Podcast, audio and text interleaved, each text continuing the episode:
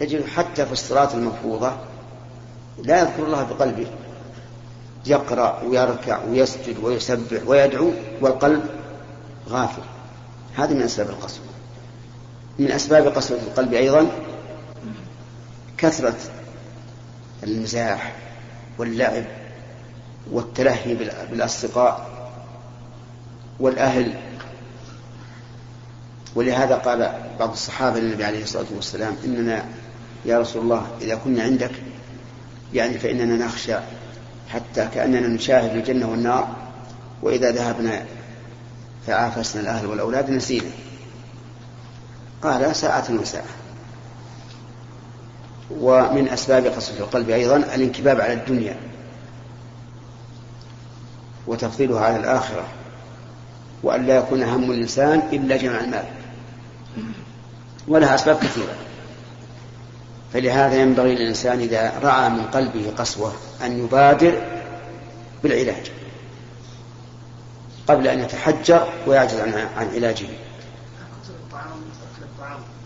قد يكون هذا من أسباب قسوة القلب لأن الإنسان يكون ليس له هم إلا بطنه وقد لا يكون. أحيانا يشبع الإنسان ولا ولا يجد من نفسه قسوة قلب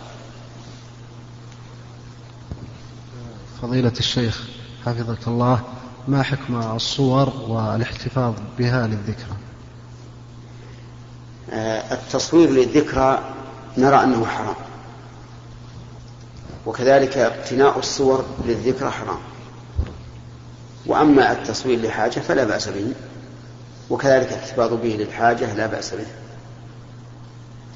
نعم. الله عنك شيخ نعم. ذكر الله سبحانه وتعالى في كتابه العزيز القواعد من النساء. ونرى أن النساء يخرجن. لكن يا شيخ ما هو الضابط للقواعد من النساء؟ ذكر الله تعالى في كتابه العزيز القواعد من النساء. وبين ذلك في قوله الذين لا يرجون نكاحا.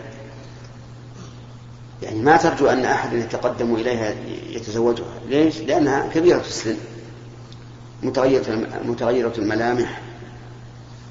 لا لا يريدها أحد. هذه هذه هي القاعدة من النساء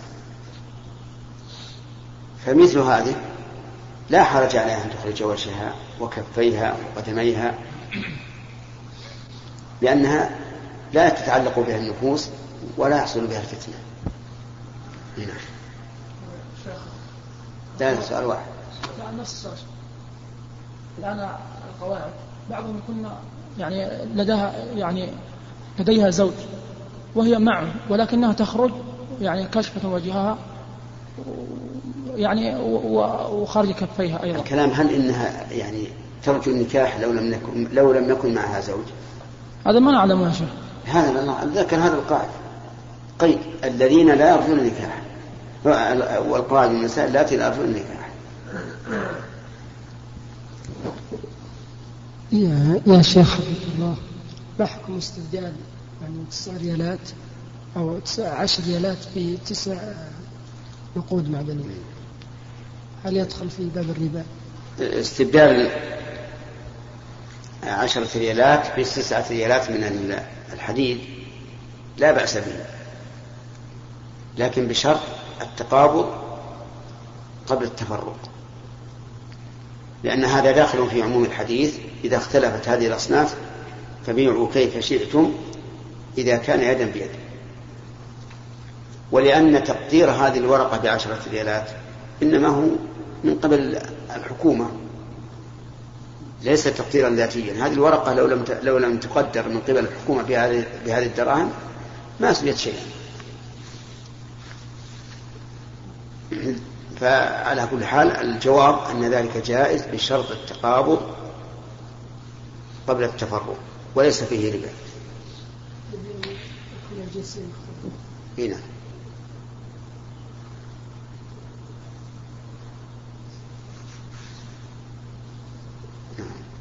بعده. تفضل.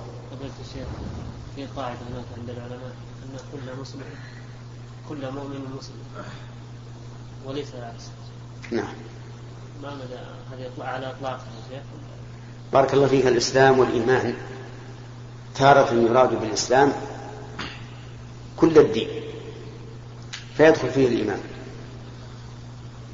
مثل قوله تعالى ورضيت لكم الإسلام دينا. فهذا يشمل الإسلام الذي هو الشرائع الظاهرة والإيمان الذي هو أعمال القلوب وأقوال القلوب. وكذلك إذا أطلق الإيمان مثل قوله وبشر المؤمنين يشمل حتى المسلمين. أما إذا قيل مؤمن ومسلم فالإيمان في القلب والإسلام في الجوارح. والإيمان أكمل من الإسلام. والدليل على ذلك قوله تعالى قالت الأعراب آمنا قل لم تؤمنوا ولكن قولوا أسلمنا. ولما يدخل الإيمان في ولما يدخل الإيمان في قلوبهم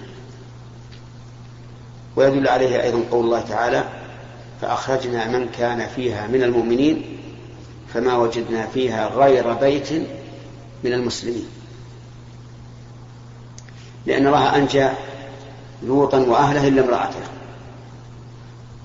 وكانت امرأته معه في البيت. مسلمة. ظاهرها أنها مؤمنة بالله ورسوله لكنها تبطن الكفر. فسمى الله البيت بيت إسلام سمى الله سمى الله أهله مسلمين كلهم ولكنه لم ينجو منهم إلا المؤمن. لأن امرأة لوط كما ذكر الله في القرآن قد خانته. فكفرت كفرا لم يعلم به فصارت بذلك من المنافقين. وعلى هذا فنقول كل مؤمن مسلم ولا عكس. وليس كل مسلم مؤمنا لأن الله قال قل لم تؤمنوا ولكن قولوا أسلمنا نعم. فهمت الآن؟ لا بس إيمانه ضعيف. إيمانه ضعيف. المؤمن إيمانه كامل. فصار الآن لو سألنا هل كل مؤمن مسلم أو كل أو بلا نقول إذا أطلق الإيمان دخل فيه الإسلام وإذا أطلق الإسلام دخل فيه الإيمان وإذا ذكر جميعا فهذا الفرق. نعم.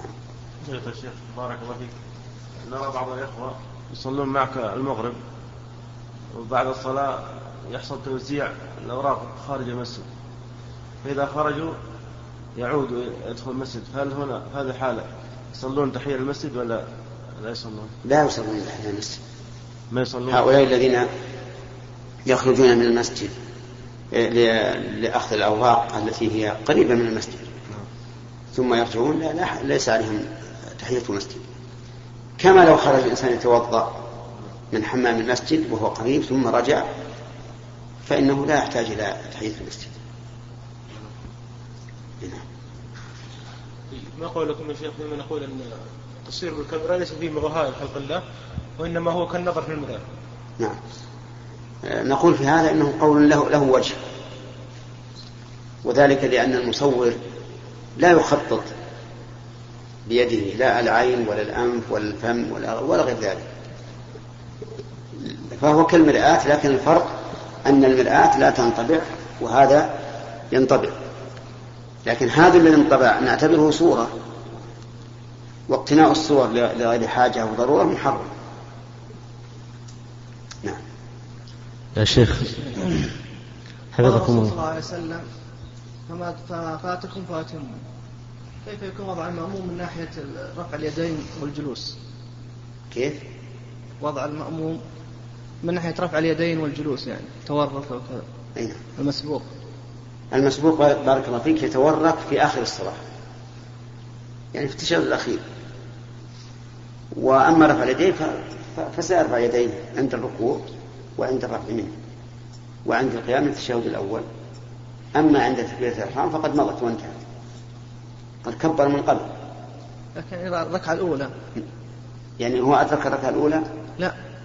مسبوق بالركعة الأولى والركعة الثانية. طيب. سبق بالركعة الأولى. ثم لما سلم الإمام قام يقرأ يرفع يديه.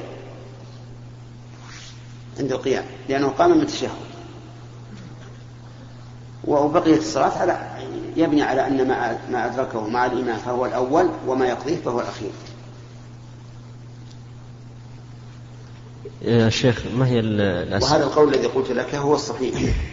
بعض العلماء يقول ما, ما يقضيه فهو أول صلاته ولكن القول الراجح أنه آخر الصلاة نعم. ما هي الأسباب المساعدة على طرد الوسواس أثناء الصلاة؟ من أكبر الأسباب وأنفع الأسباب ما أرشد إليه النبي صلى الله عليه وعلى آله وسلم حيث قال يدخل عن يساره ثلاث مرات ويستعيذ بالله من الشيطان الرجيم. فإذا فعل ذلك أذهب الله عنه ما يجب. لكن إذا كان الإنسان يصلي مع الجماعة فالتفل عن يساره أو عن يمينه متعذر وأمامه أيضا متعذر لأنه لا يجوز للمصلي أن يبصق أمام وجهه. ولكن نقول في هذه الحال لا لا يلتفت ولا يبصق. يلتفت ويقول أعوذ بالله من الشيطان الرجيم ولا يبصق.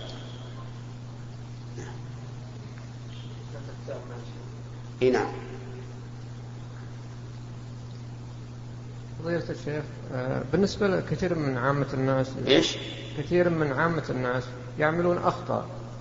فأحد قال لهم ليش هذا؟ يقول أن الدين يسر. إيش معنى يسر يعني؟ أهم شيء أنك لا تشرك بالله شيء والباقي بسيط هو. إي نعم. هذا القول خطأ. يعني كون الإنسان يقول أنا أفعل كل شيء ما دمت موحدا والدين يسر. نقول إذا لم تقم بالدين أين الدين الذي عندك؟ حتى تقول الدين يسر. ومعنى الدين يسر؟ أن أن ما جعله الله دينا للعباد ليس فيه مشقة. الصلاة ما فيها مشقة.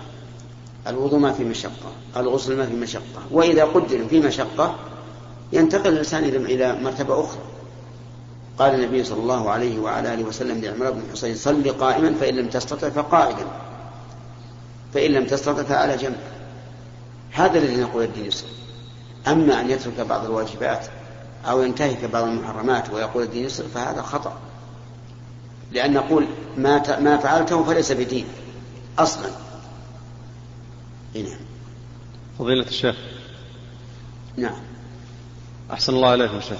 نعم. ما ما رأيكم في قول القائل أنا صائم إن شاء الله أو أنا مؤمن إن شاء الله وقولي كذلك سوف آتيك غدا إن شاء الله تحقيقا لا تعليقا. نعم.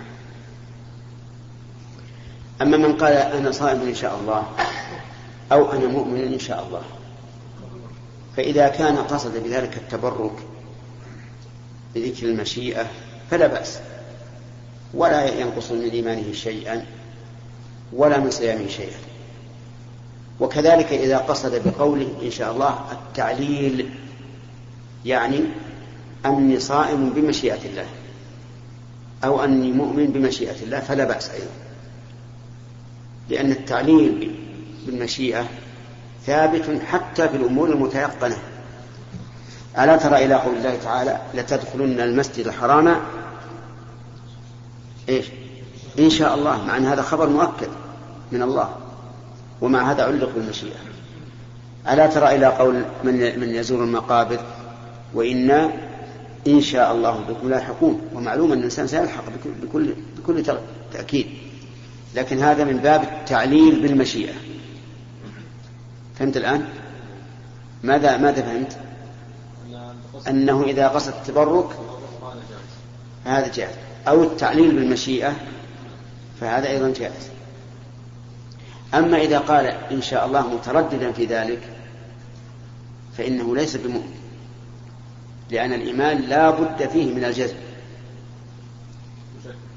فلو قال أنا مؤمن إن شاء الله يعني متردد في ذلك فهو لم يؤمن ويعتبر كافرا لأن الواجب الجزم بالإيمان.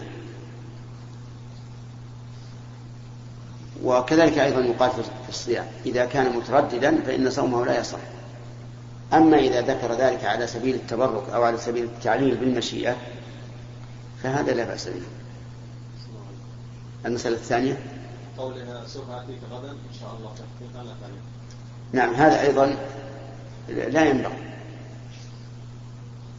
بل لو شئت لقلت إن هذا داخل في النهي ولا تقولن لشيء إني فاعل ذلك غدا إلا أن يشاء الله. وهو إذا قال إن شاء الله تحقيقا لا تعليقا لم يستفد من قوله إن شاء الله شيئا ما دام جزم. وهذا من من أدب من من آداب الله عز وجل التي أدب بها العباد أن لا يجزمن الإنسان على شيء في المستقبل. لا يقول سآتي غدا يعني حتما سيكون لأن الأمر بيد الله.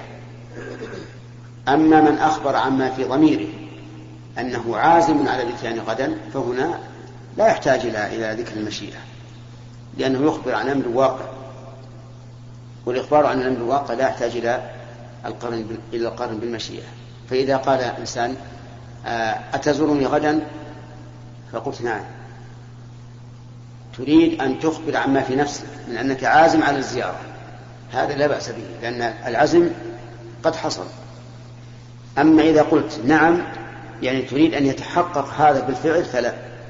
لا تقولن لشيء إني فاعل ذلك غدا إلا أن يشاء الله. نعم. أحسن الله إليك. أي نعم. شيخ الإسلام قصد التشجيع على تشجيع الجند على الأقدام. نعم. أحسن الله إليك. ولاية المرأة بعد وفاة والدها إلى من تنتقل؟ في, في النكاح قصدك؟ نعم. نعم. أولى الناس بالتزويج الأب ثم الجد من قبل الأب وإن على. إذا كان لها جد من قبل أبيها فهو أولى. فإن لم يكن لها أب ولا جد من أبيها انتقلت الولاية إلى أبنائها إن كان لها أبناء. وإلا فإلى إخوتها الأشقاء ثم الإخوة لأب ثم أبناء الإخوة الأشقة ثم أبناء الإخوة لأب ثم الأعمام الأشقة ثم الأعمام لأب ثم أبناء الأعمام الأشقة ثم أبناء الأعمام لأب. فإذا لم يوجد لها عصبة أو كان عصبتها في مكان بعيد لا يمكن الاتصال بهم أو كان عصبتها قد قد امتنعوا من تزويجها من هو كفر زوجها القاضي يعني قاضي المحكمة. وأي أي الإخوة الأشقة يتولى ذلك؟ كلهم له ولاية. لكن من الأدب أن يجعلوا الذي يتولى ذلك الأكبر منهم. يا شيخ ما حكم قراءة الفاتحة قبل الإمام في الصلاة الجهرية؟ لا بأس بهذا. يعني لا بأس أن يقرأ الإنسان الفاتحة قبل أن يقرأها الإمام وهذا يحصل كثيرا فيما إذا أطال الإمام الاستفتاح. فإنه يحصل أن بعض المأمومين يقرأها قبله. ولكن الأفضل أن تقرأها بعد انتهاء الإمام من قراءتها. حتى تستمع إلى إلى قراءة الفاتحة مع إمامك ثم بعد ذلك تقرأ الفاتحة ولو كان يقرأ. نعم. بعد. السلام عليكم. السلام ورحمة الله. والله يا شيخ أنا عندي سؤال تفضل. الدليل على المدينة ها؟ الدليل سجون المدينة ولا أدري وش السبب له ورجال ميت ولا نخبر عايشين به. ولا أدري وش حالته آه نعم يلا عطاني ابنك أعيد أعيد السؤال. أعيد السؤال. ولا اللي فاهمه هو سنتان ولا يدري وش السبب. ها؟ كيف؟ اسمه خلف في النار. والله يا خلافي أنا أرى أنك تتصل بالأمير هناك. وتسأله تقول إذا كان ابني عليه حق. فأنا مثل ضامن هذا الحق. إذا كان ليس ليس عليه حق أخرجوه. هنا بعده. يا شيخ عفى الله عنك. ما حكم الصلاة في البنوك الربوية؟ في إيش؟ في البنوك الربوية. الصلاة في البنوك؟ بعض البنوك فيها مصليات. إيه. طيب. ال- البنوك هذه بعضها مستأجر ولا لا؟ وبعضه ملك وأيا كان سواء كانت ملكا أو مستأجرة فليست مغصوبة. حتى يقال إنها, إنها لا, لا تصلح الصلاة فيها. غاية ما هنالك إنها أماكن يعصى الله فيها بالربا. فلا تنقلب هذه الأماكن خبيثة من أجل ما يفعل فيها من المعصية. فالصلاة فيها صحيحة. لكن التوظف في البنوك هذا هو المحرم. إذا توظف الإنسان لأنه إذا توظف فسوف يباشر كتابة الربا أخذا وإعطاء. فإن لم يباشر فإن توظفه في هذه البنوك رضا بها بلا شك. إذ لو لم يكن راضيا ما توظف عنده. فلهذا نصح إخواننا بأن لا يتوظفوا في البنوك لا على وجه الكتابة ولا على وجه الإحصاء. المهم أن الوظيفة في البنك حرام. قد يقول الإنسان أنا, ما أنا لم أجد إلا هذه الوظيفة. نقول ثق بوعد الله فإن الله يقول ومن يتق الله يجعل له مخرجا ويرزقه من حيث لا يحتسب ومن يتوكل على الله فهو حسبه. ويقول عز وجل ومن يتق الله يجعل له من أمره يسرا. نعم. فضيلة الشيخ رجل يأتي يعطي والده من راتبه وكان الرجل الأب هذا عند مزرعة وعنده عامل كافر. من من اللي عنده مزرعة؟ والد الولد هذا نعم.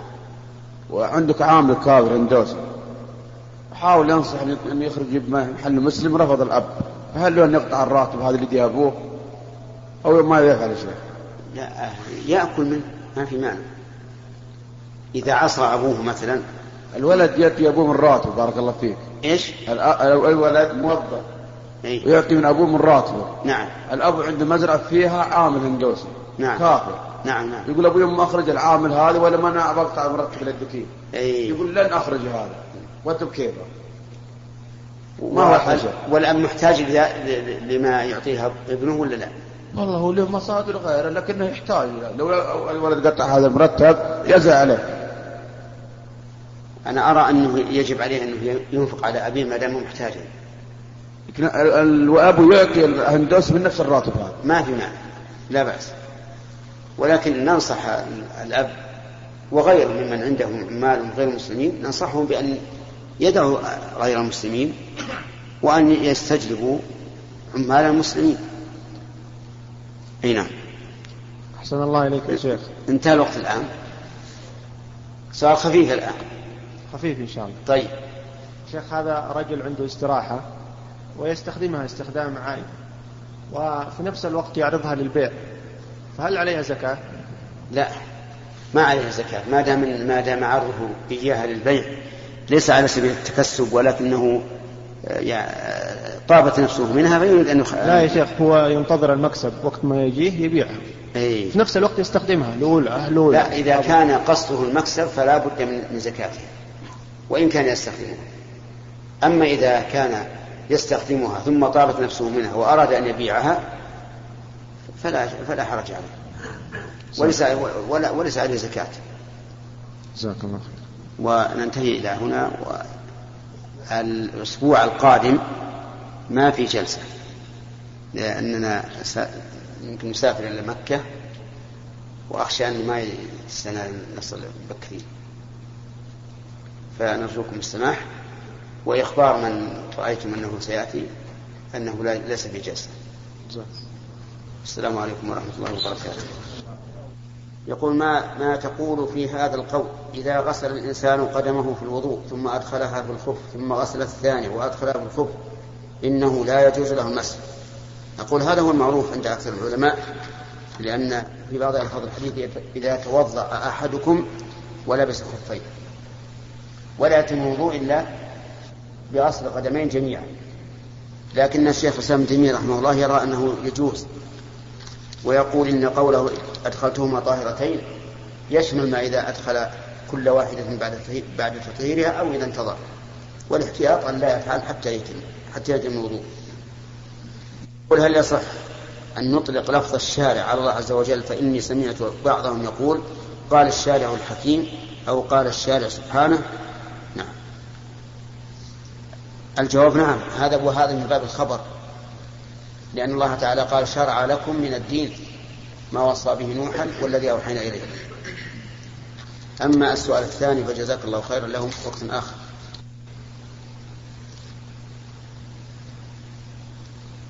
يقول رجل أوصى بتركته إلى ابنه ليحرم ليحرم أو لي إيش؟ رجل أوصى بتركته إلى إلى ابنه ليحرم بنات بناته من الميراث. فهل وهذا الابن يريد أن يعطي أخواته حقهم؟ ولكن لا يعلم هل يعطيهم من أصل المال أو يعطيهم المال.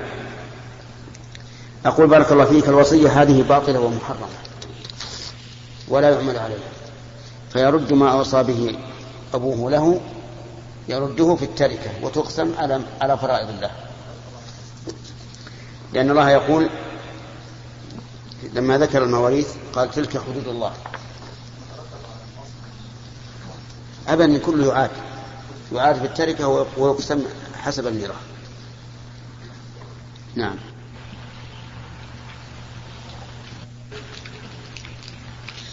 يقول إذا قتل رجل أخاه شقيقه عمدا فماذا عليه؟ وإذا كان خطأ فهل تلزمه الدية ولمن تكون؟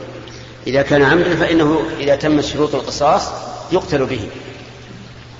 لقوله تعالى كتب عليكم القصاص في القتلى. وإن كان خطأ فالدية على العاقلة وعليه الكفارة. عتق رقبة فإن لم يجد فصيام شهرين متتابعين. و... طيب.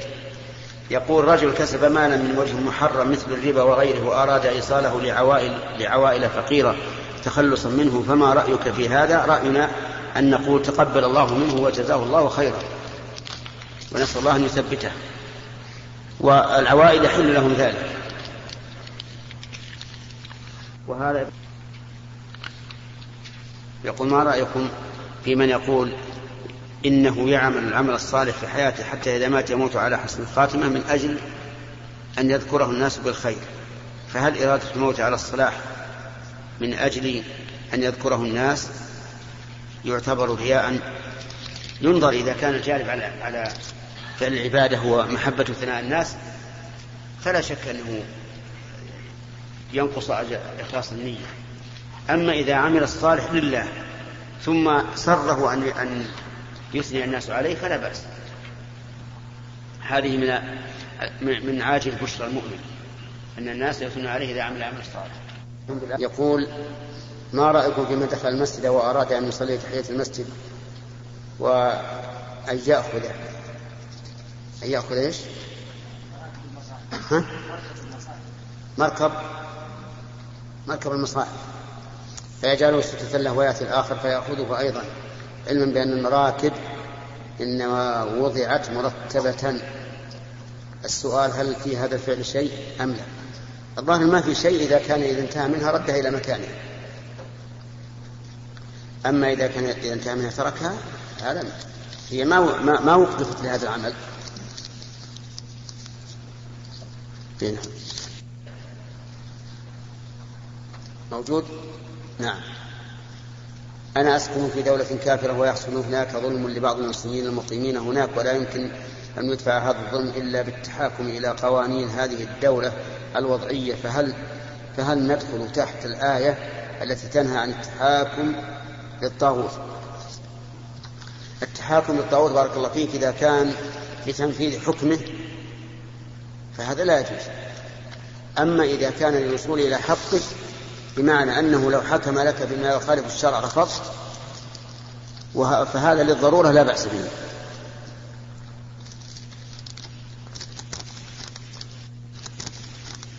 وقد ذكر ابن القيم رحمه الله في كتاب الطرق الحكمية كلام حول هذا الموضوع جيد. هذا يقول ها؟ طيب. هذا عم ما يخالف. هذا عمران. عمران إيش؟ المال عشري موجود. طيب. يقول رجل فقير زوجه والده واتضح أن زوجته لا تصلي وقد بذل كل كل ما في وسعه لهدايته ولكن دون جدوى ويخاف إن طلقها أن يقع في الحرام وهو لا يستطيع الزواج من غيرها. فما هو الحل؟ هو الآن إذا أمسكها وجمعها فهو واقع في الحرام.